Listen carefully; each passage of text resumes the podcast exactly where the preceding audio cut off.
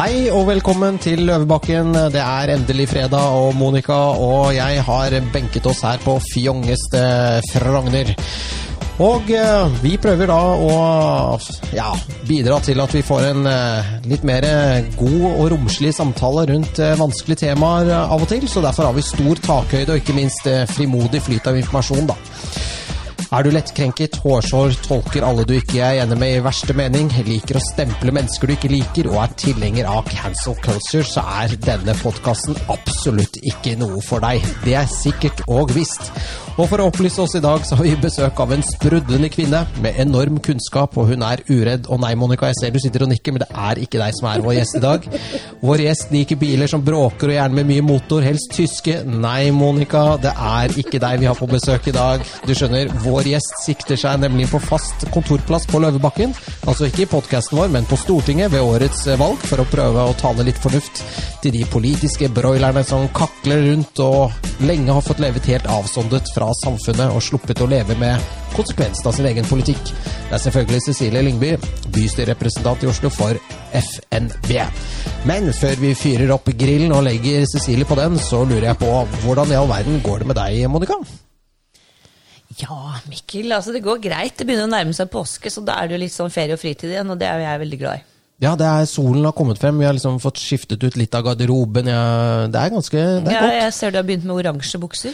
Ja, det er for å bli sett i trafikken. Er det for å liksom lade opp til liksom gul bukse? Jeg, ja, nei, altså da, da jeg gikk på ungdomsskolen for veldig mange år siden, så var oransje bukse veldig inn, så jeg har bare funnet fram de igjen. For nå tror jeg de kommer til å komme på mote igjen, rett og slett. Nettopp. Ja. Og du, når du snakker om oransje, har oransje bukse, så matcher du egentlig drinken min i dag. For det Yes. er en Aperol Spritz. Det er tilfeldig, dette her. Følte det var riktig siden det nærmer seg påske.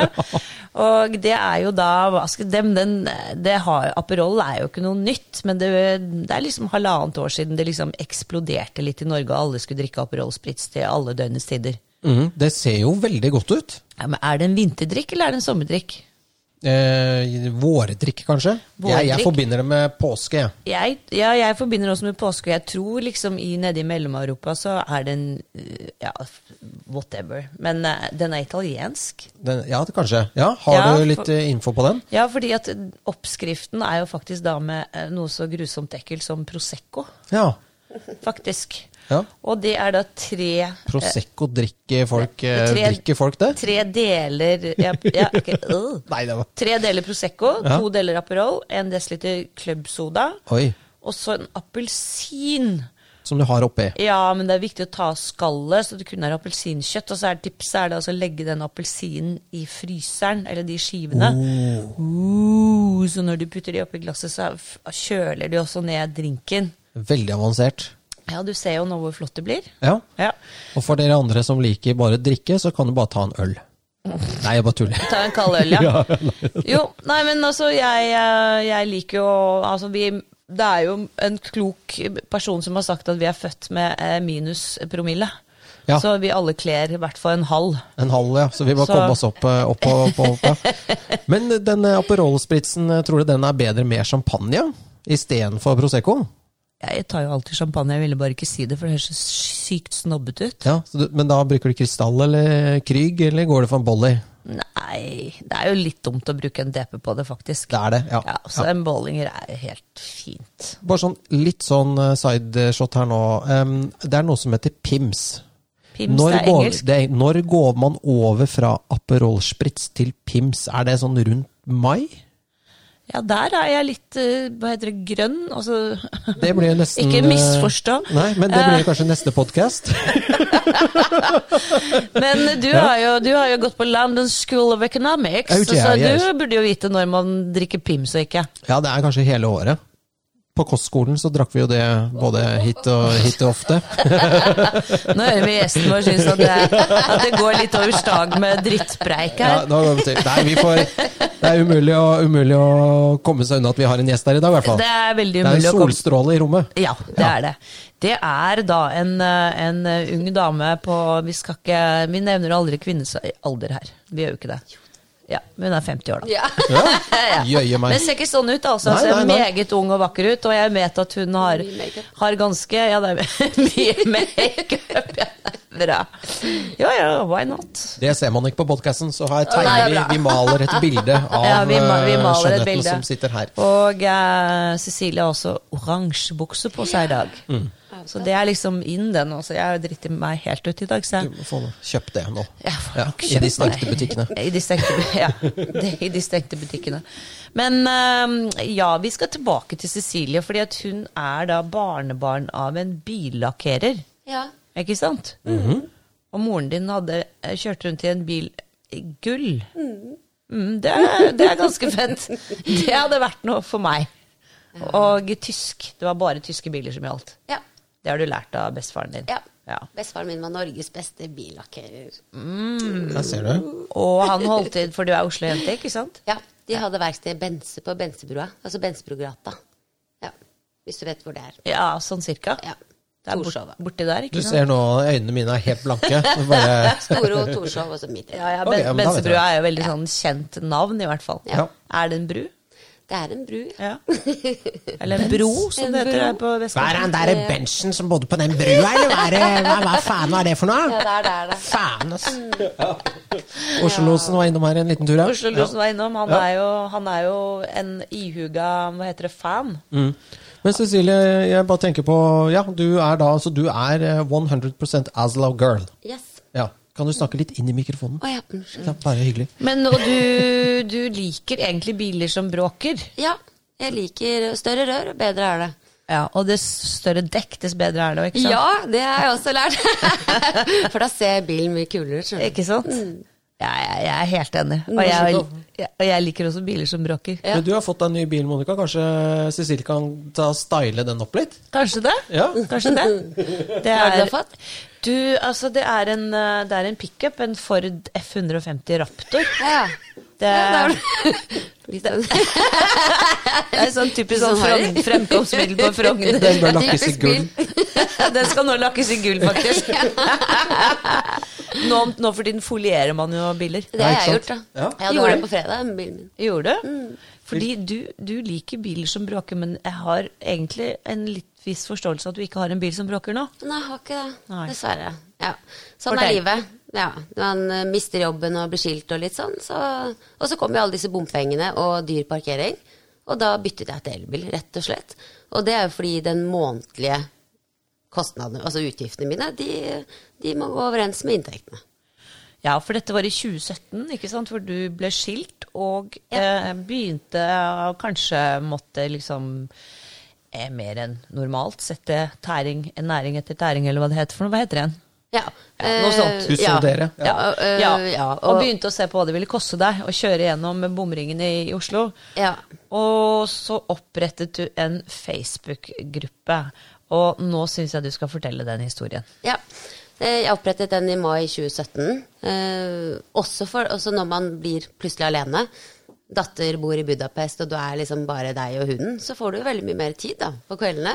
Så det vil si at eh, da leste jeg nyhetene mye nøyere enn jeg normalt sett eh, gjorde i et hektisk liv, da, med masse familie rundt deg. Eh, og starte den gruppen, for jeg tenkte Cecilie, enten så er du ganske gæren eh, som føler at dette her blir veldig dyrt, og dette er ikke bra. Eller så kan du se om eh, gruppen din får masse mennesker, og så får vi se kommentarene. Og det var egentlig hele hensikten bak gruppen først, var å se ok, er det jeg som tenker feil her, eller er det, er det flere som er med meg, da? Og da gikk du inn en dør som på en måte det var, Ja. sant, Du kom aldri tilbake, du ble bare sugd inn i det. Jeg gjorde det. Det var et skjebnesvalg. Det var det. Tenk på det. Ja. Hva skjedde?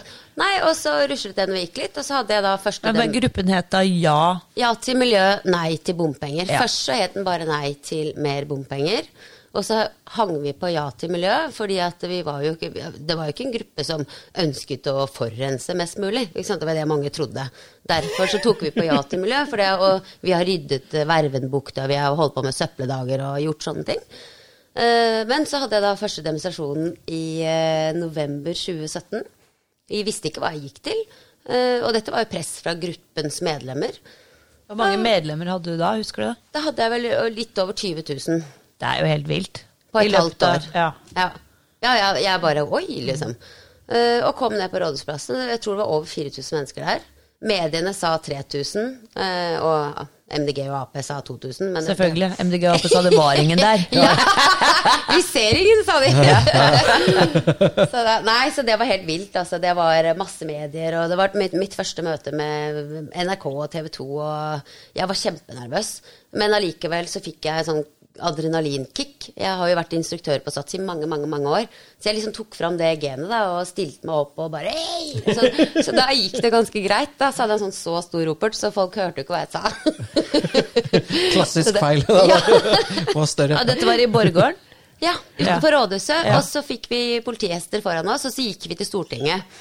Og der hadde de satt opp sperrer, og der tok det litt av. Så da må jeg innrømme at jeg gikk før alle andre, for det ble litt sånn bråk på slutten her, så jeg, jeg ble litt redd. Da ble folk sinte, eller hva var det som skjedde? Ja, de begynte å klatre opp disse trappene opp til Stortinget, og politiet sto der med hester og Så jeg gikk bort til politiet og sa oi, kan jeg få lov å gå, for jeg vet ikke helt hva jeg skal gjøre nå. De bare ja, ja, bare gå, vi Det håndterer litt sånn dette eh, her. storming of the cap. Dette var litt sånn, Det er du og Trump, altså. Nei, Har du fått sånne riksrettssaksgreier mot deg? Ikke sammenlign meg med han! Nei! Det er det ikke. Det er Den, sånn det begynte, eh, mine lyttere. Denne farlige kvinnen. Nå var hun drøyd og blau. Ja da, jeg tar det tilbake. Ja, nei, men er det, er det sånn at alle sånne altså, For å snakke litt om det, da. Er det sånn at alle sånne grupper For det tenker jeg også når du ser på Facebook en del sånne grupper og kommentarer og ikke sant, i kommentarfeltene disse alternative mediene og sånn, så får du jo alltid noen bøller. Alltid. Ikke sant? Og det vil jeg tro at i en sånn organisasjon som Eller ja, gruppe som det der Ja. også. Vi har hatt moderatorer. Jeg har hatt uh, ti stykker, jeg har hatt to stykker. Det har gått litt sånn opp og ned. Uh, men jeg må si at siden ja, ikke siden mai, men siden august-september 2017, så har jeg sittet mellom tre til seks timer daglig med gruppen. Og Hva gjør du den dag? Og moderert og kommentert og svart oi. folk. Ja. Svart på mailer, svart på Messenger, svart på SMS. Eh, tatt vekk kommentarer. Ja, ja, ja. Mm. Altså, det, det tar veldig mye tid, men det er det verdt. For det er derfor vi er der vi er i dag, i Oslo, da.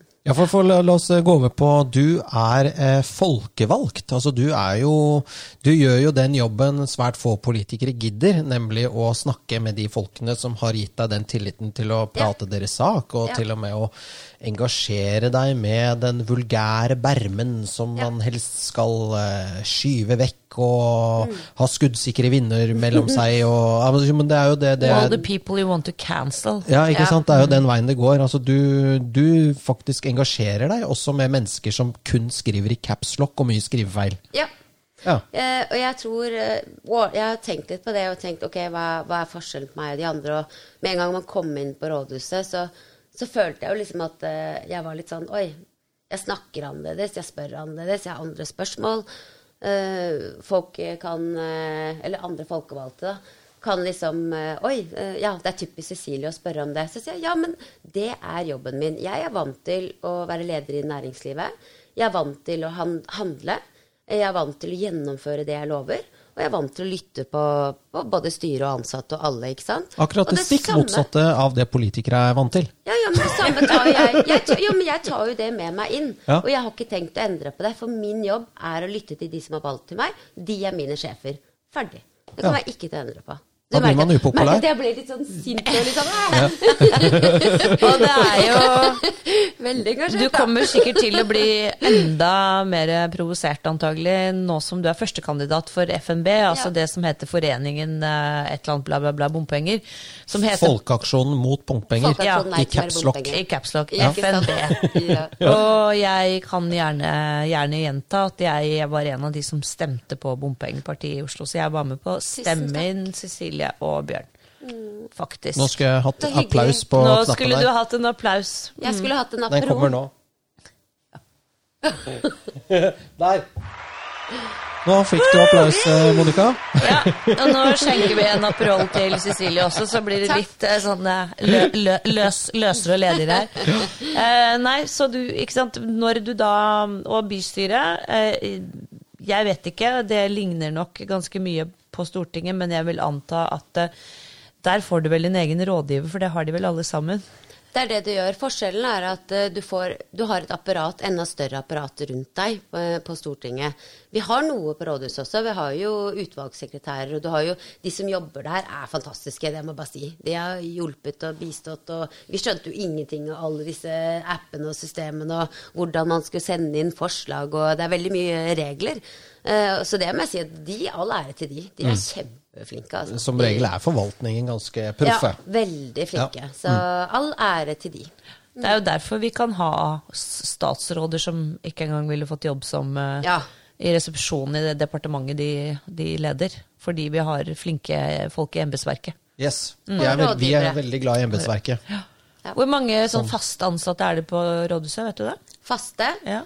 Eh, det er jo en sekretær til alle utvalgene. eh, så jeg er litt usikker på hvor mange rådgivere byrådet har. Men sist LAN var til høring på mistilliten, så hadde hun med seg fem rådgivere. og da tenker jeg ok, er alle de fra First House? For de tar nemlig 4000 kroner timen. Ja. Ja. Kan du tenke deg? ja, da begynner det å bli Da er dyre råd eh, kanskje ikke så gode heller. Hun svarer ett spørsmål alene. Oi. Hun Nei. Nei. Hele tiden. Og, de, og så svarte de, og så sa hun det de sa. Ja. Hadde er, jeg hatt en eh, mistillit mot meg, så skal jeg love at jeg hadde pugget eh, flere uker i forveien og kunnet alt på rams.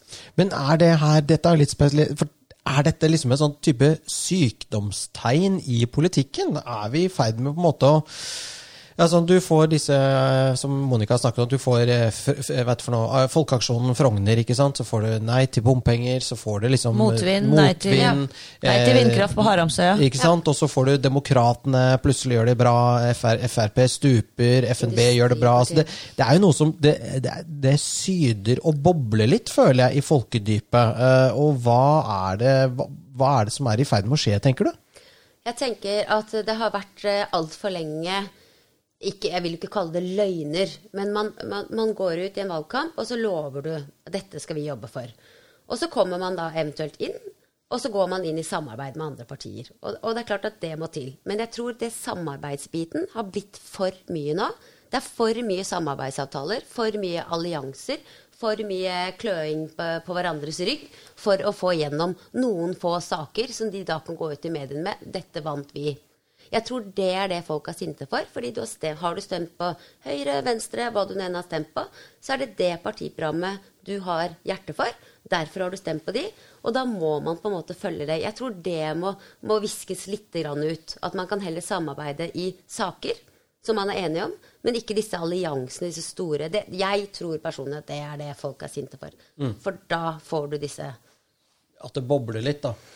Ja, så da får du alle disse små, Ikke løgner, men du får alle disse lovnadene som da aldri kan skje. De vet at de går ut og lover det, men så vet de at dette skjer ikke. Men det sier de ikke. Ja, og det er jo litt med sånn som Senterpartiets vekst også har jo med, med protest å gjøre. Ja. Og da er det de som føler at eh, Frp blir liksom litt for eh, vulgært for dem, eller litt for eh, langt ut på høyresiden. Ja. De, de går til, til Senterpartiet. Det er også en slags protestbevegelse. Jeg tror, jeg tror folk er veldig lei av at eh, altså politikerne har dette litt sånn derre ut, fokuset ut av Norge, og ikke inn i Norge. Det, den, det, det globalistiske liksom, perspektivet som jeg tror egentlig gjennomsyrer alle partiene. De ser liksom ut, og det vi skal, vi skal være med å redde verden, og vi skal melde inn i Parisavtalen. Altså, liksom, vi skal liksom, ha det aller liksom, tøffeste klimamålet av absolutt alle. Altså, det, det, er, det er et eller annet Jeg forstår det ikke. Ja, ikke sant? Ja, det hjelper altså tøddel du ville ikke sett det engang. Hjelper ikke på kloden vår. Og skal man på en måte gjøre noe, så må man jo se hele kloden i en helhet. Da tenker jeg, og så må vi bidra der hvor det virkelig trengs, da.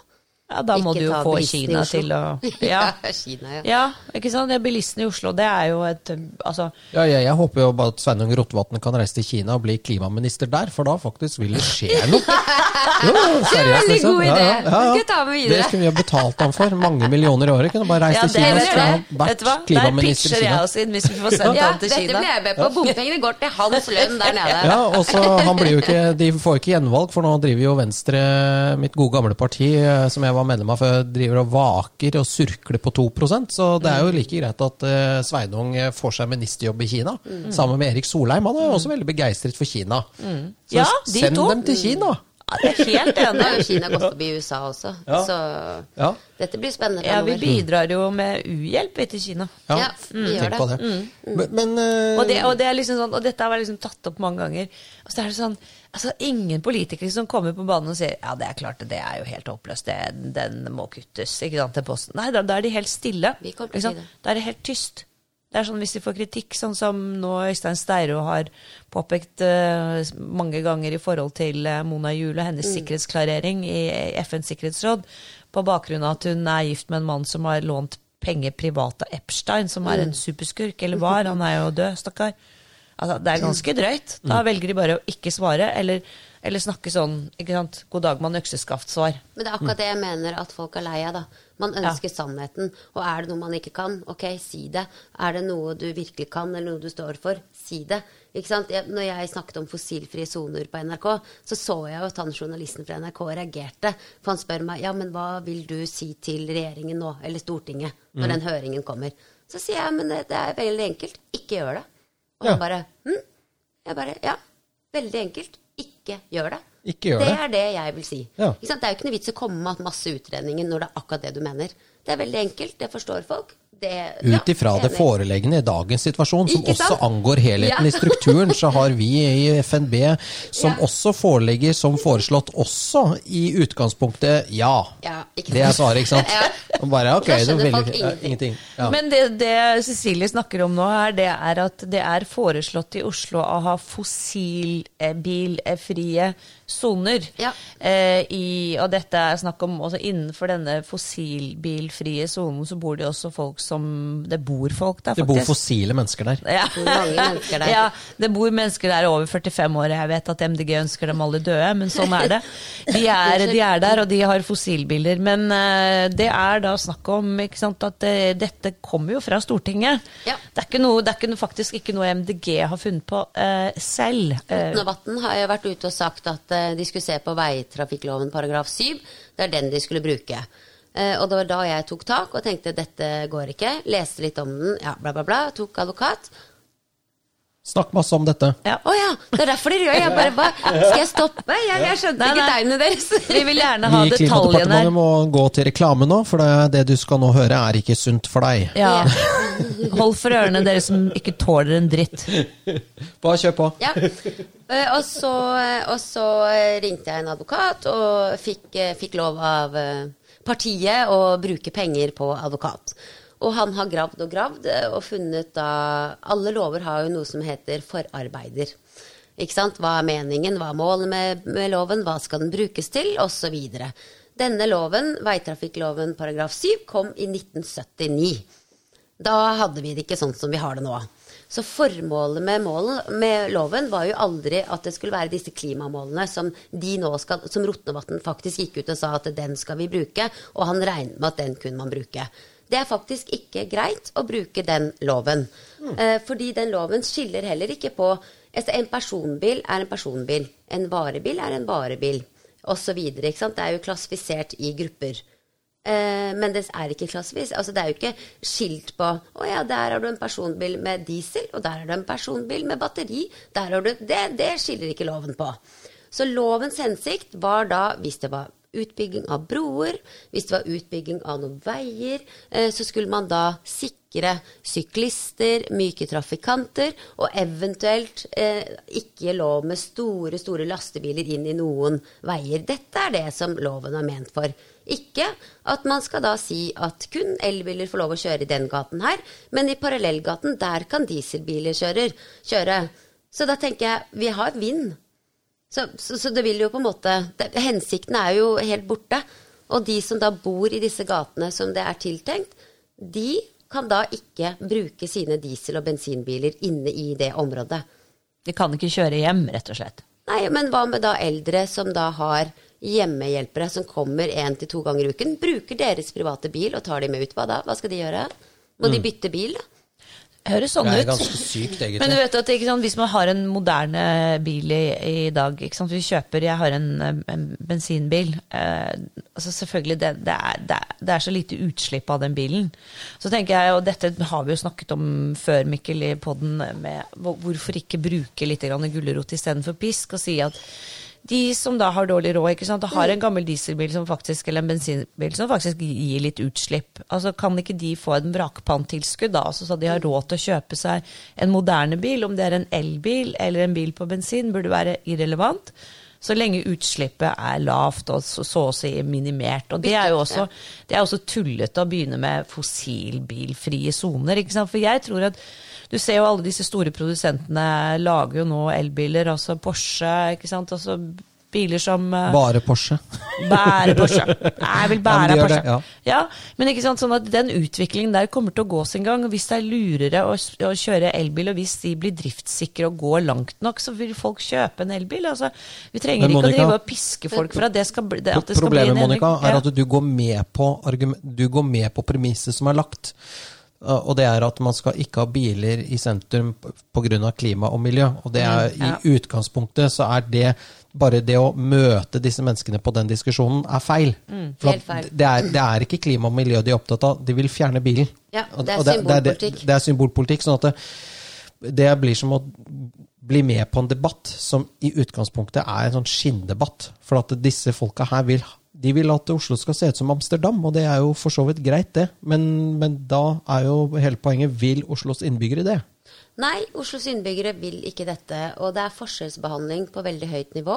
Eh, Det er ikke konsekvensutredet, og de kan ikke bruke den loven. Så hvis da eh, regjeringen og Stortinget, når de skal vedta dette her, eller snakke mer om det, så er de nødt for å ha en lovendring. Ja. Vi kan ikke bruke veitrafikkloven paragraf 7, og det holder jeg veldig hardt på. Men tror du at de kan få til en lovendring, da? Er Det det, mange de- nok på det- Stortinget som Det er jeg litt usikker på, eh, men, men eh, det spørs. eh, Det spørs hvordan de dreier det, da. Hva er det de skal Hvilke argumenter skal de ha? Bilene er renende nok. Teknologien går framover. Alle kan ikke ha elbil. Vi har ikke strøm, altså kapasitet til det. Da vil jo strømmen fyke i været. Når strømprisene nå var høye, så var det selvfølgelig pga. kulden, men også fordi at alle kommer hjem fra jobb, putter elbilene inn og lader det, og så øker jo strømprisene. Så, sånn at vi er jo på en måte nødt for alt med måte. Alt må ta mye lengre tid enn det gjør nå. Alt har bare gått på to-tre år. Det er altfor raskt. Vi er nødt for å på en måte følge med. Folk må få lov å få tiden. De må få spare de pengene. De, livet må på en måte kunne ha en elbil. Da. Det er ikke alle som kan det. Alle kan ikke ha en elbil i dag. Sånn Og så er er det det. med lade, altså bare det å bygge ladekapasitet til alle bygårdene i Oslo da, som skal ha eh, jeg, tror ikke det, jeg tror rett og slett de sliter med å få inn nok strøm. Altså at man må, Da må man gjøre noe med kabel, hva er det for noe? Nett. Ja. Strømnettet også. trafostasjoner og Yes, yes, yes. Men ikke bare det. Ikke sant? En dieselbil i, dag slipper jo ikke ut noe. Ikke sant? Så det er svevestøvet som er problemet med de tyngre bilene. Hva kan man gjøre med det? Vaske veiene. Som Ah, alle andre byer gjør. I, I New York så vasker de veien hver morgen. Altså gatene. Hver morgen. spyler det. Det gjør de Spyler og i. Moskva også. Ja. Ja. Hver Sånne, morgen. Sett med egne øyne. sånne, ja, ja, ja, ikke sant? Såpe og Men det vann og svære da kan vi biler. ikke og- gjøre det. Kan ikke gjøre det Bare vasker. Nei, nei, men disse, når vasker vi veien da? Rett før 17. mai? Ja, En så vidt en, Er det én gang i året En Én gang i året. Før 17. mai. Vårrengjøring. Hvorfor kan man ikke vaske oftere? Er dette veldig dyrt?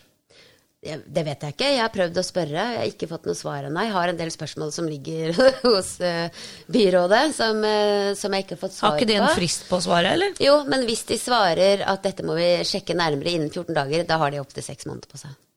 Det, Høres ut som, eh, det høres ut som en del andre offentlige etater. Ja. Plan og bygg og sånn. Seks måneder på å finne ut om hva det koster å vaske veien i Oslo. Mm. Sånn at, og de mener også at ikke det er nødvendig, fordi um, argumentet på svevestøvet er jo Svevestøv er jo her inne hvor vi sitter nå. Det er svevestøv overalt. Eh, Bilene er ikke Altså utslippet fra bilene er ikke det største problemet.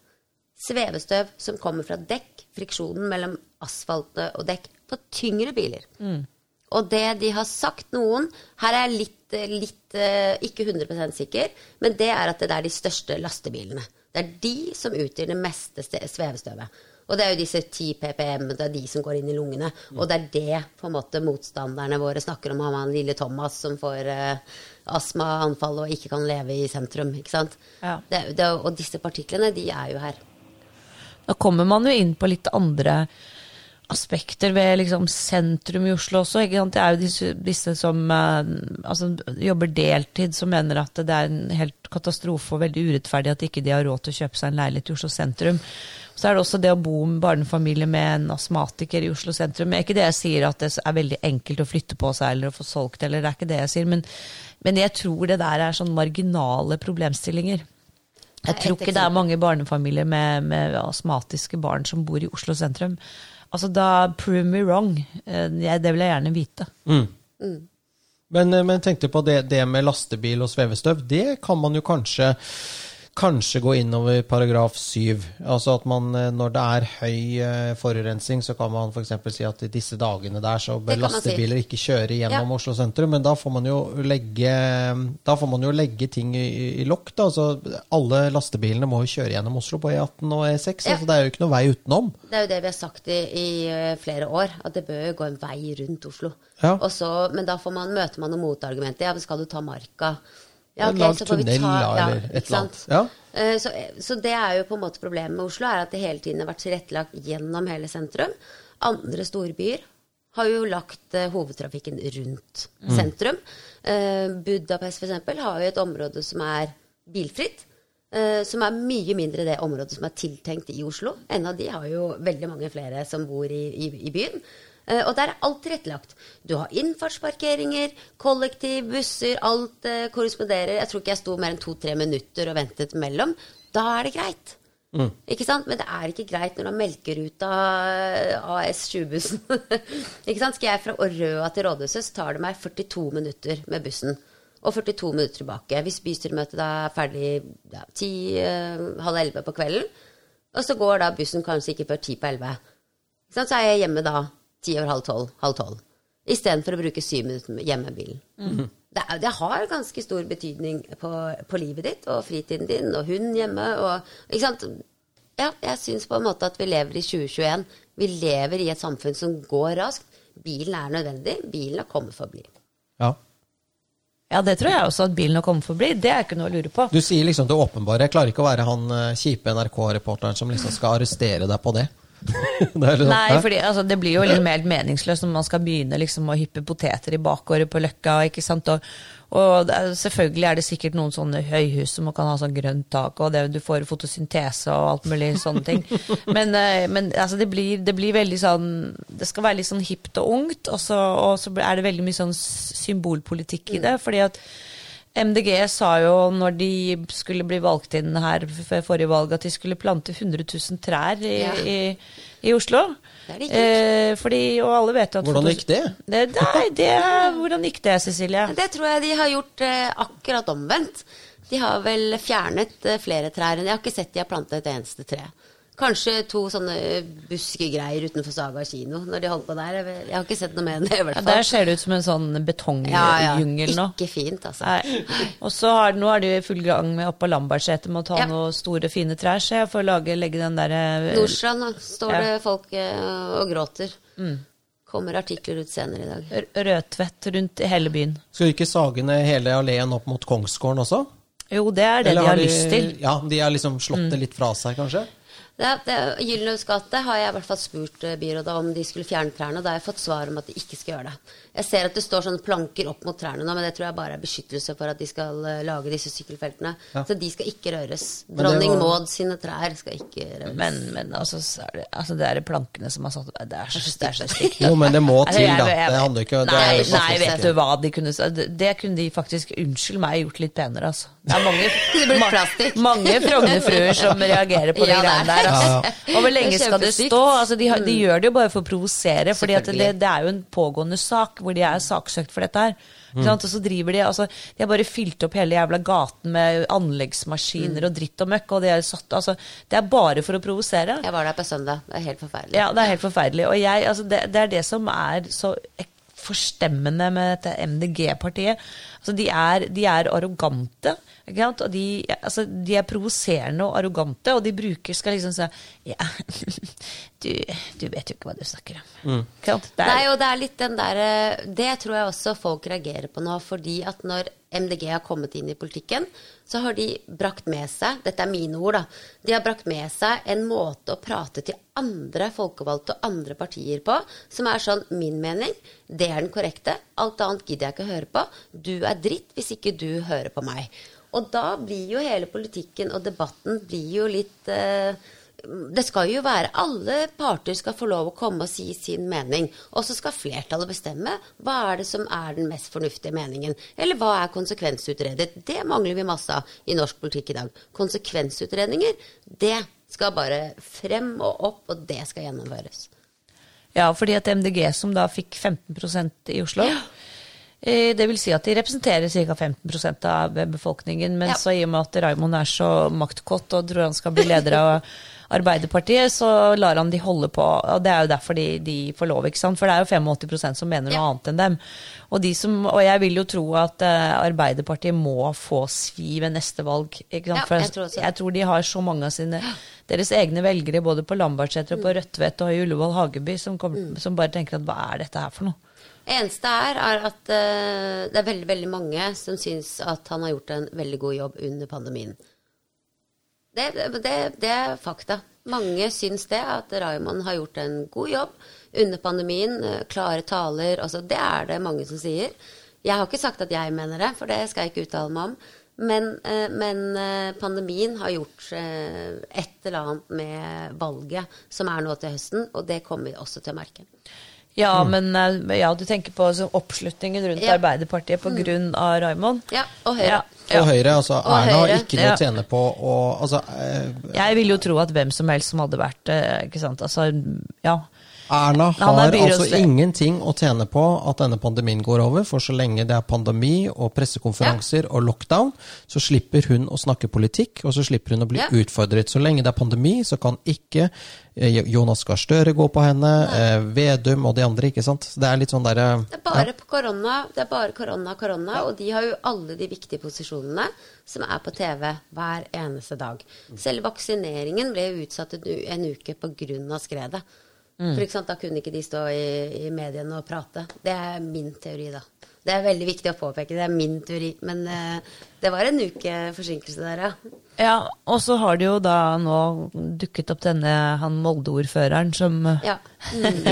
gjerne ville, prov- ville provosere litt. Og, og du kan si at det, er- det, er, altså, det er mange ting man kan si, men det er klart at jeg tror ikke de kan forestille seg verken i Molde eller mange andre steder hvordan det har vært å bo i Oslo. Nei, nei, nei. Men han har rett i én ting, og det er at man burde ta tak i de bydelene som har mest smitte, og, Ja. og innføre strengere tiltak der. Mm. Det har han helt rett i. Og der syns jeg at eh, kan kanskje si at eh, han eh, Raimondsen har gjort en bra jobb, men der har de jo altså en ekstremt berøringsangst, og det gjelder jo også, også Erna. For? Altså, det, det skal liksom ikke snakkes om altså, hvem dette er, og hvilke bydeler det er. Det er helt håpløst. Ja. For, det, da, det, du, du, for det første så skaper du en frustrasjon hos de som faktisk følger reglene. Ikke sant? For at det ikke kan påpekes, faktisk. Og når du så den siste her nå, med liksom 80 stykker da, delt på to sånne kohorter, eh, veldig store kohorter, eh, samlet for å spille kort og se på fotball, det var vel somaliere og kurdere, så vidt jeg har fått beskjed om. Correct me if I'm wrong, men jeg tror det var det. Og de fikk ikke bøter engang. Altså, jeg vet liksom, altså, ungdommen, da, jeg har jo en yngre barn, holdt jeg på å si, som, som er i den alderen at de har lyst til å gå på fest og sånn. De tør liksom knappast være seks stykker og spille, spille lav musikk, for de er livredd for purken skal komme. For de kjenner noen som har blitt bøtelagt, som har fått 20 000 og 10 000 kroner i bot. Hvilket sånn eh, TV-program var det som hadde samlet noe Alle disse reality-showene? Var det noen som fikk Det var Farmen. Var det Farmen, var Jeg det? lurer på det Farmen. De fikk 20 000 hver eller noe sånt. De gjorde det, ja. Ja, for de hadde Hadde fest. Sånn Ja. reunion eller samling. eller- Ja, og da fikk de mm, Det syns jeg er helt greit, det. Ja, Ja, men, hvor, helt enig. men altså, altså, og når de da liksom ikke klarer å gi disse folkene bot engang altså, Du lager jo, du lager jo en, en sånn derre Forskjell. Ja, du lager en forskjell. Du lager en forskjell. Og jeg ville tro at alle ville liksom synes det var helt greit hvis smitten si ja, Sånn som det var i Nordre Follo da, ikke sant? At de da kjører på med tøffe tiltak der. Hvorfor skulle man ikke gjort det på Stovner? Altså, jeg ser ikke, det, altså skal, det fordi, fordi de skal klare liksom å lage en eller annen sånn rasismedritt av det. Jeg blir så irritert.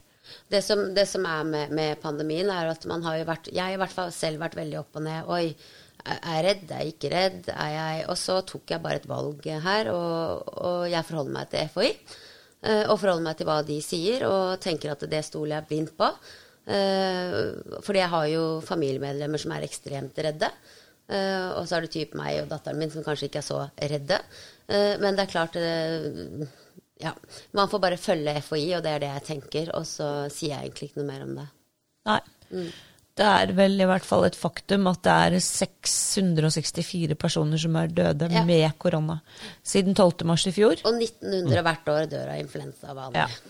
Ja, Så det er jo det er spørsmål om det står til, noe, om tiltakene står til hva som egentlig skjer, da. Ja, og de vel, det, Jeg husker ikke mange prosent det var som var over 80, men det er en overveldende stort flertall. Og så er, var det vel ni stykker under 50. Ja.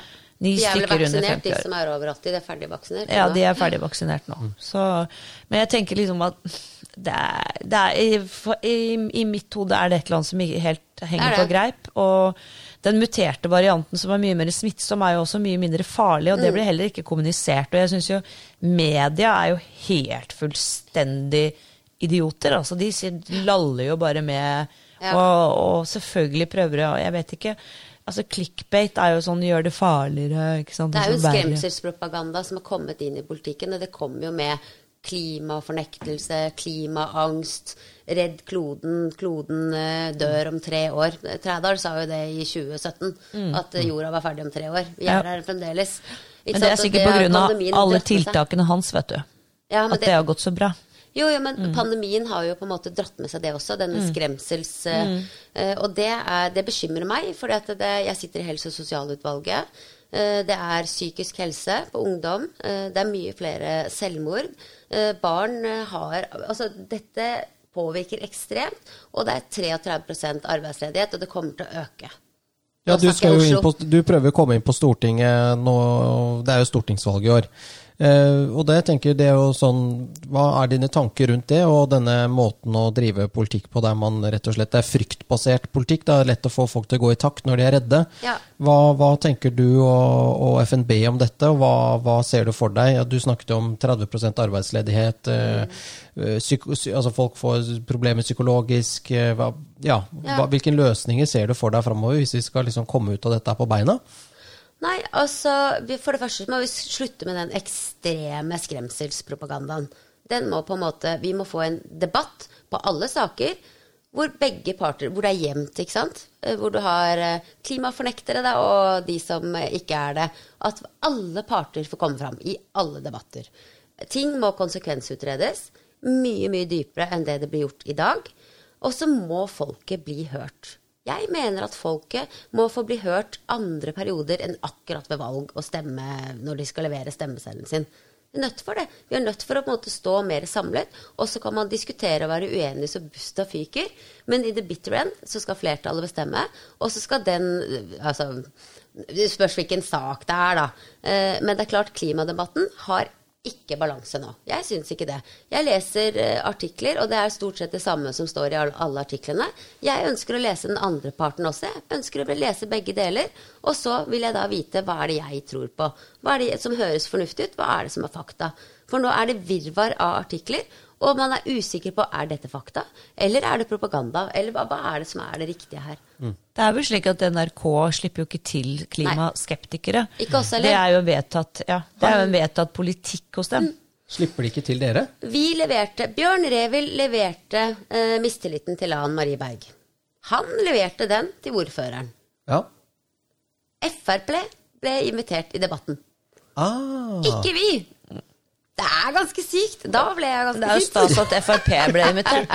Er sykt. De var, jo med, var jo med på mistilliten. Men ikke Ja. sant? Det, er det, det er litt det jeg mener med, med, med disse ubalanserte debattene. Ikke sant? Da skal Frp komme, og så skal Rødt og MDG få komme. Men vi som faktisk leverte mistilliten og skrev den, vi får ikke komme. Hva tror du grunnen er til det? Jeg vet ikke. vet ikke. Det er no platforming. Ja, det er Ja, kanskje det. ja, men det er jo det, fordi du vet det er klimarealistene. Ja, ja. Det er en eh, gruppe med folk som, altså sivilingeniører, folk som, ikke sant? Altså rett og slett eh, folk som har greie på det. Som eh, satte opp en sånn tipunktsplakat som de eh, publiserte i noen aviser, blant annet vet jeg, det sto i Tønsberg Blad. Det ble jo stoppet, så ville ikke disse avisene ta det inn. Akkurat som er en sånn slags konspirasjon fra liksom medias side, at vi skal ikke få lov til å høre motargumenter. Ja, Facebook gjør det med meg også. Hvis jeg legger ut noe i Ja til miljø, nei til bompenger, som er litt på kanten, så fjerner de innlegget. Gjør det det? Så dere er under oppsikt, da? Vi er under oppsikt. Er dere en av disse som PST følger med på? Nei, det vet jeg ikke. Får ikke håpe det. Ja, det er skummelt, altså. At Jeg synes det er litt skummelt. At PST følger med på oss? Nei, men eh, Da er du trygg, da, Mikkel. Da er du trygg. Nei, men altså, det var jo det at PST, eh, disse vindkraftmotstanderne og sånn, de var jo liksom et problem, eller Mm. kunne bli et problem, eller det var noe sånt noe. Jo, det var PST når de gjorde trusselvurderingen, og det er ganske drøyt. fordi liksom det, det, så disse motstandsgruppene mot Han mannen på 72 år som satt på den eh, de, krakken sin oppå på de fjellet. kan, de kan risikere at de blir eh, voldelige. Ja. Nei, nei, hallo. Jo, men altså, Det er jo det de implisitt sier, at det er en trussel. ikke sant? Og så kan du komme inn på det vi snakket om i sted, at alle typer sånne protestgreier, eller egentlig absolutt alle grupperinger, vil jo så vil det henge på noen bøller. Mm. Men det, det er er ikke noe å jo lure på. alltid sånn, og så er det mye lettere å være tøffere bak en skjerm enn det er når det er ute i gaten. For du ser jo det hver gang man, vi arrangerer noen demonstrasjoner, så kommer en tredjedel. Eh, ikke sant? Og det er bra. Jeg syns det er bra at det kommer folk. Bare at det kommer, kommer det 50, så er det supert, det. Ikke sant? Da er det 50 som kommer. Og så er det en markering. Og så er det mange da som henger seg opp i Ja, men dere var ikke mange nok. Spiller det en rolle, da? Vi har en aksjon. Vi sier fra. Spiller ingen rolle hvor mange som er der. Vi er her og gjør noe. Og vi handler, og vi prøver å fortelle folk hva man mener.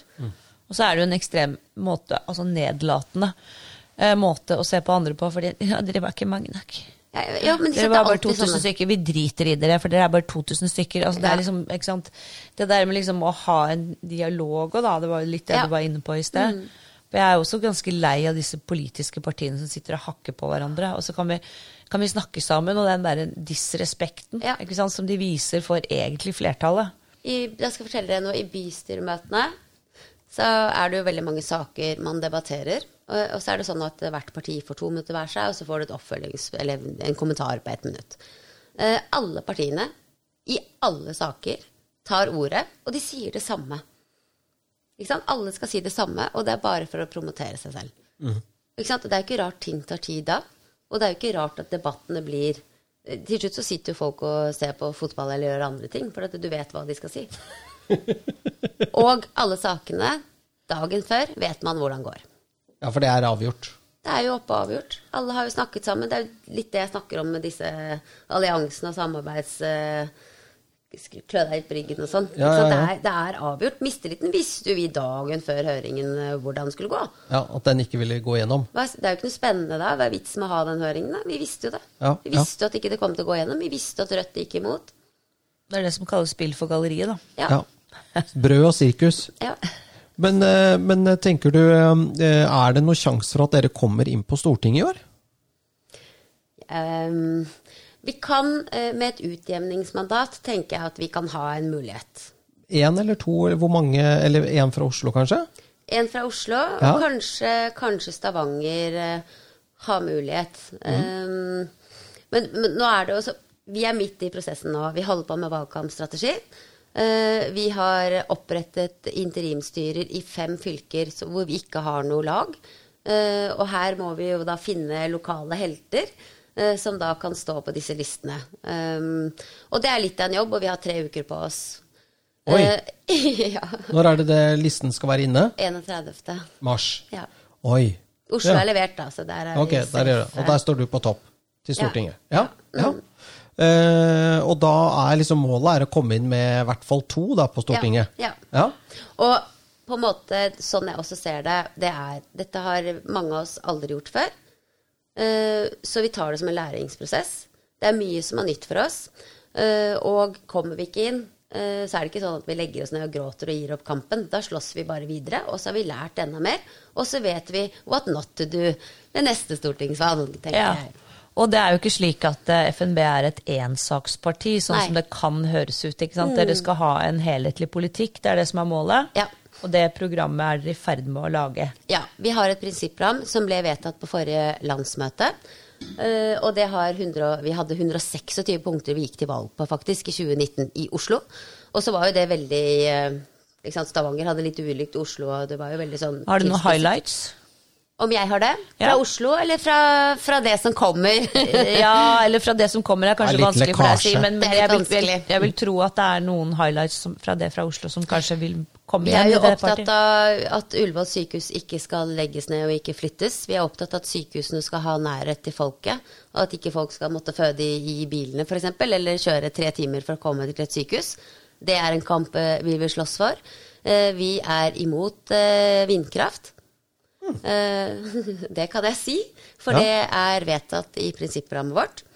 Eh, Det ble en diskusjon på om vi skulle være for eh, til havs eller ikke, Ja. så det kan jo hende det blir en diskusjon nå på landsmøtet. Det gjenstår å se. Eh, Vi ønsker ikke globalisering, de fleste av oss i partiet ønsker ikke det. Men det blir også en debatt på landsmøtet. Men sånn som jeg leser medlemmene våre nå, så ser det ut som om at vi er de fleste enige om den biten. Så gjenstår Det det er de lei av, altså. Ja, vi, vi ønsker ikke at Norge skal bare spy ut penger til, å- til andre land. Vi vil hjelpe de eldre, de som har bygget opp landet, eh, rusmisbrukere, eh, folk som kommer på sykehuset, pensjonister. Altså, vi vil på en måte hjelpe oss her først, og så kan overskuddet bidra eh, andre steder. ja. Enkelt fortalt, da, så, Ja, ja, ja. uten å gå inn i alle detaljene. Ja. Ja, fordi at du, når du snakket om rusmisbrukere, Cecilie, så har Ja. du vært frivillig i natthjemmet til Kirkens Bymisjon i 11 år. 14. 14 år, Ja. ja. Og hva er det? Det er disse som er nederst på rangstigen i samfunnet vårt, ikke sant? Ja, jeg gikk jo rett inn i den harde kjernen. Eh, Min, min stebror eh, døde for ti år siden. Og han var jo litt inn i dopmiljøet, da. Ja. Var mye i Thailand og var sånn tøffing. Men dessverre så døde han. Eh, Og akkurat i det momentet så gikk det et sånn eh, millionær som gir penger til eh, Jeg husker ikke helt hva programmet het, men i hvert fall på NRK. Og da begynte jeg å gråte noe veldig og tenkte herregud, jeg må hjelpe disse. Så jeg ringte jo rett ned til Gunmund Wisløff, som den gang var daglig leder. 'Hei, det er Cecilie, jeg vil gjerne hjelpe dere.' Han bare 'what?' Så hadde sikkert aldri fått en sånn telefon før. Men så fikk jeg komme på intervju, og har jo da hatt min, min bror, som, som, eller stebror, som har holdt på med narkotika, og jeg er jo på en måte sett mye innad i familien. Eh, Så det tror jeg gjorde at jeg hadde nok ryggsekk til å kunne bidra der. Og så fikk jeg, eh, fikk jeg lov. Så, så siden har jeg vært der og har vært mye, mye redd. Lært mye. Eh, Og dessverre så ble det lagt ned nå. Oi. Ja, for det har vært et overnattingstilbud. Ja, de, de kom klokken ni om kvelden. Da åpnet natthjemmet. Og så kunne de sove der helt til tolv dagen etter. Og da var det dusj, håndkle, sette deg og se på TV, spise mat. Altså et, et, fri natt fra gaten, kan du si, da. Ja. Men veldig, veldig hardt miljø også. Veldig og eh, masse morsomme historier hvor de kunne liksom dytte meg litt til siden. Og du, Cecilie, ja, ja du veit han der eh, Kennedy, vet du. Jeg bare Presidenten, liksom. Ja, ikke dau han, vet du. Han bor nede i Sverigårdsgata. Jeg, jeg, jeg møter han hver jævla onsdag, liksom. Så du vet Det er jo veldig gøy. Ja. Ja, ja, ja. Men hvorfor legger de det ned? Eh, det var andre typer brukere enn det som vedtaket eh, når natthjemmet åpnet. Ja, for Kirkens. Bymisjon er jo en privat greie. Kirkens Bymisjon får også støtte. Jeg ga jo innenfor helse og sosial 450 000 ekstra, og fikk det gjennom. Eh, Wow. Ja. Wow. Eh, så det fikk jo de ekstra i 2020, for jeg visste jo om den økonomiske situasjonen til Kirkens Bymisjon, og de er jo avhengig av frivillige. Eh, Men det var brukerne og selve vedtaket som gjorde at de måtte legge ned, for da sa de da nei, nå får dere ikke ha natthjemme lenger. Og det er veldig, veldig trist, for at det er noe som virkelig trengs. Oi. Og jeg tilbyr meg å holde det åpent i julen. Og så jeg sa at jeg kan, jeg kan jobbe der, jeg kan være der. For nå er det så mange, og også pga. pandemien. De har ikke noe sted å være. Eh, men nei. Alle partiene stemte imot. Alle partiene stemte imot, unntatt KrF. Ja. Tenkte De var stemme imot- barmhjertige. De har bare ja. Stemme imot et toukersprosjekt. Nei, det vil vi ikke være med på. Men, For men de som er liksom de hardest Ja, det er helt sykt, faktisk. Ja, det, er, ah, det hadde ja. jeg ikke trodd om, om på en måte den sosialistiske byregjeringen. At jeg trodde de var, De var forslagene er fra meg.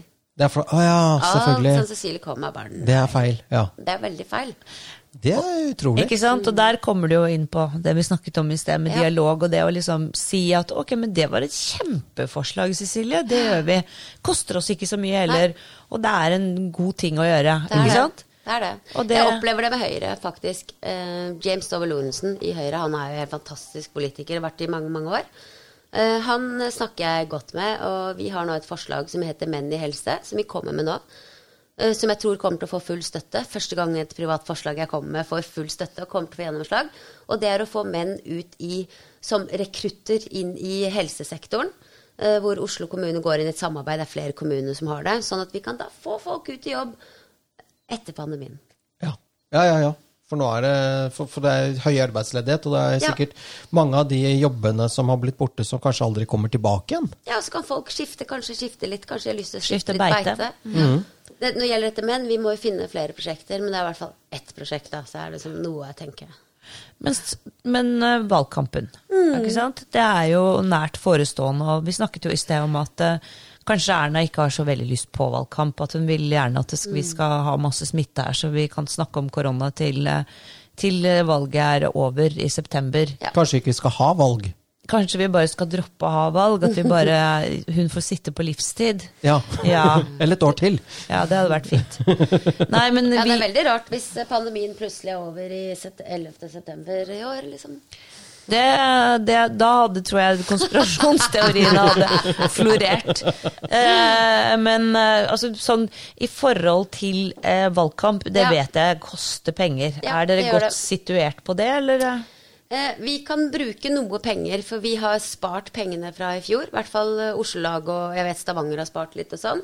Det er noen sånn som typ Skien, Grenland, de har ikke så mye, for de har ikke så mange valgt inn og har ikke så mange medlemmer, og da har de litt mindre. Så da betaler de mindre. Eh, men, eh, men eh, jeg tenker at vi skal ikke gjøre ting som koster masse penger. Eh, Vi skal gjøre ting som sosiale medier, vi skal ut i gaten, møte mennesker. Selv under pandemien så kommer jeg til å stå ute i gatene. Jeg kommer til å stå utenfor sentrene, snakke med folk, være der. Snakke med folk på Messenger, mailer, ringe de. Ringe alle medlemmene, gjøre ting som er gratis, først og fremst. For det var det vi gjorde i 2019. Da hadde vi null kroner. Og så skal vi bruke noe penger på å ha en felles strategi for hele Norge. Noen små filmer, noen snutter som på en måte viser helheten til partiet. Da. Jeg kan prate lenge om dette. her. Ja, ja, ja. Dere- Dere, dere har ikke da et kommunikasjonsbyrå i ryggen som forteller dere hvordan dere skal snakke, og hvordan dere skal opptre, og hva du bør ha på deg og sånn? Nei, Veldig ærlig svart. Veldig ærlig. Veldig bra. burde vi det? Fordi eh, når, når Ja. La- LAN har fem stykker fra First Ja, jeg House, ikke vet. sant, så blir det litt sånn urettferdig. Jeg vet det. Jeg vet det. Eh, det Bjørn Revil sitter faktisk og jobber litt nå på at vi skal liksom prøve å kjøre hverandre i debatter, da. Eh, Sånn at jeg skal liksom sitte med flere FNB-ere, kanskje andre folk han får inn, og bli virkelig kjørt da, på spørsmål. Eh, For jeg må si at det er ekstremt mange saker i politikken, og det er mange saker ikke jeg kan like godt. Jeg kan ikke det. Eh, Og jeg kan sitte og lese og lese og lese, og så plutselig så får du et spørsmål bare åh, det var den siden ikke jeg leste. Men er det ikke eksempel, ærlig bare være ærlig, som du sier? Bare, jeg, jeg, jeg, tror, jeg tror folk eh, eh, aksepterer det. Jeg tror jeg som velger ville akseptert at du ikke vet alt. At du vet mye, men ikke alt. Hvem vet alt, Monica? Ikke Jeg? sant? Ja, du er ja. Kanskje du må Bli Du må stille til valg. Kanskje du, ja, men Mo- Monica, du burde jo egentlig stilt opp eh, som politiker, du. Tror du det? Jeg hadde egnet meg til det, Mikkel? Du har en god sånn politikerstemme, da. Ja, Ja, nettopp. I neste omgang. I neste omgang. Til by- ja, du skjønner ja. at jeg er jo verdensmester i å inngå kompromisser, så det hadde passet meg. Ja, men vi er, er det ikke det vi er lei? Jeg gjør ikke det. Det er nei. Det er det vi er lei. Vi vil ikke ha kompromisser. Nei, Ja, vi vil men ikke vi, vi, vi, ja, kompromisser blir jo ofte en dårlig løsning. ikke sant? Av et godt forslag så kan du liksom komme til et kompromiss, og så kjenner man ikke igjen forslaget sitt, f.eks.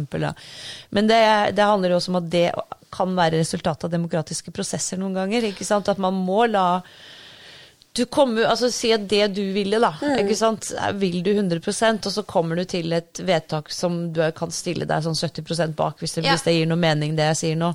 Jeg Og, det, og sånn må det i noen sammenhenger være. Ja. Ikke sant? Og, det, og så tror jeg også at man I hvert fall så Jeg ser blant annet på, på Frp, etter noen år i regjering, og Siv i stolen som finansminister og sånn. Jeg tror du kommer inn i en sånn tralt. Ja. Som, som, gjør at du faktisk Og ikke for å pisse på noen, men at man rett og slett mister litt den der kontakten med det man Mm. egentlig selv mener, og den man egentlig kanskje er, og den kontakten med de sine velgere. Og? For du går i den sfæren, og så blir du liksom en sånn Da blir du en sånn som alle de andre. Ja, du blir Ja. polert, ja. Du, blir, Sånn du har gjort så mange kompromisser til slutt at du nesten ikke kjenner igjen deg selv, tenker jeg. Ja, det er jo det som skjer. Og så tror jeg at mange av de som er folkevalgte nå, og de som sitter i regjering og på storting, de har vært med siden de var syv år. Ikke sant? De er jo egentlig litt sånn eh, lært opp. eh, det er ikke vi. Jeg har vært i næringslivet, jeg har vært eh, ja, leder, jeg har vært selger, jeg har eh, vasket senger på hoteller, eh, reddet opp? Jeg, jeg har gjort utrolig mye, så jeg har på en måte den erfaringen. Den kommer aldri til å legge den fra meg. Og vi har sosiale medier som kanskje ikke de hadde så godt for ti år siden, som gjør at vi kommuniserer med folk i hverdag. I hvert fall gjør jeg det. Hver eneste dag. Ja, og så har du jo en unik erfaring i sekken, og det er at du har reist rundt og solgt telefonkatalogen. Ja, det har jeg. For Den hadde jeg glemt. biltur i Norges land, cruiser vi er og Ja, jeg husker reklamen ennå. Og det er sånn telefonkatalogen, jeg vet ikke hvor Ja.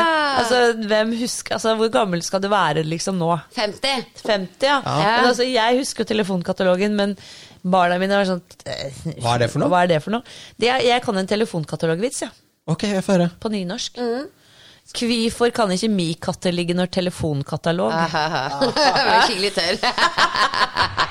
Nei, det var gule sider. Og så var det Ferieguiden. Ja, nettopp. Og jeg var helt rå. På, det tviler jeg Jeg Jeg solgte til alle! Og kiosken, og de satt liksom eh, i husene sine oppe i uh, Gudene veit. Jeg, jeg var overalt. Og, og da var litt sånn redde for at det kom Oslo-folk. Så jeg hadde jeg byttet fra boblejakke til Skulle jeg på et hotell, så hadde jeg frakken og dressjakken på meg. Og så skulle jeg inn til en bondegård, så tok jeg på meg boblejakka. Ikke sant? Jeg møtte Ja, ja, ja, ja. folket. Kameleon. Ja, ja, og de, de bøndene liksom ja, Hvorfor skal vi ha, liksom, være med annonse i Ferieguiden? Jeg bare Herregud, se den fine porten du har inn til bondegården din, og den må du ha i annonsen, og den porten rundt hele, og de ja, ja, ja, hva koster det da? Det er 20 000, det er ingenting. Og, og det, det, det, det, det er jo sånn over 30 år siden. Ferieguiden, liksom. Ja, ja. Biltur i Norges land. Jeg føler liksom at dette blir Enten blir det veldig eh, dyrt å ha henne på Stortinget, Ja. så blir det faktisk veldig billig at hun liksom en klarer å få til det. Men Ja. eh, jeg tror at da fikk du i hvert fall gjøre noe du elsker, og det er å kjøre bil. Det var det jeg gjorde. Ja. Og så liksom sånn 50 kilos mobil i midten. Husker du de? De Ja, kjempestore. Ja. Jeg husker det. Broren min og jeg drev med sånn prank calls vi på sånn Ja. mobiltelefon som faren min Og hadde kastet bil. kostet det billig. så mye å ringe! 1000 kroner til teleside. jeg kan, jeg kan si det nå, for nå er det foreldet. Nå, er det foreldet. Nå får du ikke regning i posten. Fantastisk bra. Nei, dette har jo vært en eh, berikende time på veldig mange måter. Det går for fort, syns jeg, Ja, det går for fort. Det disse timene våre. Men vi vil ikke slite ut lytterne våre. De må få de små porsjoner. Det må de. Ja. Så da er det rett og slett en stor takk til deg, Cecilie, Takk for at du ville stille hos oss. Og vi ønsker deg lykke til med valget. Jeg håper virkelig du kommer inn på Stortinget, og jeg håper dere får inn flere. Eh, og jeg håper dere får slippe til på NRK. Ja. Skulle bare mangle. Eh, og jeg eh, vil i hvert fall si at sånne mennesker som deg trengs i norsk politikk. Tusen takk. Takk for at jeg fikk komme. Absolutt. Og da er det vel eh, Kanskje begynner vi å nærme oss påsketider? Monica, skal du noe Hva jeg skal i påsken? Ja? Nei, jeg vet ikke. Mulig jeg skal dra til eh, Østerrike. Nei da. Du, jeg, eh, vi, vi skal til fjells. Jeg skal kjøre bensinbil til fjells. F35-en, eller hva det er for noe? Eh, Raptoren? Raptoren. Kanskje kanskje, Begge to, kanskje. Ta et par turer. Aggregat bak. Dette høres ut som det blir veldig bra. Jeg vet ikke helt når påsken er, men eh, vi nærmer oss. Påsken er i slutten av mars. Jeg tror palmesøndag er 28. mars. Ja, Så det er ikke så lenge til. Det er ikke så lenge til. Åh, Så deilig. Veldig bra. Koselig. Da er det Aperol Spritz, og uh, ja, vi bare takker for oss. Ha det så lenge. Snakkes snart. Ha det!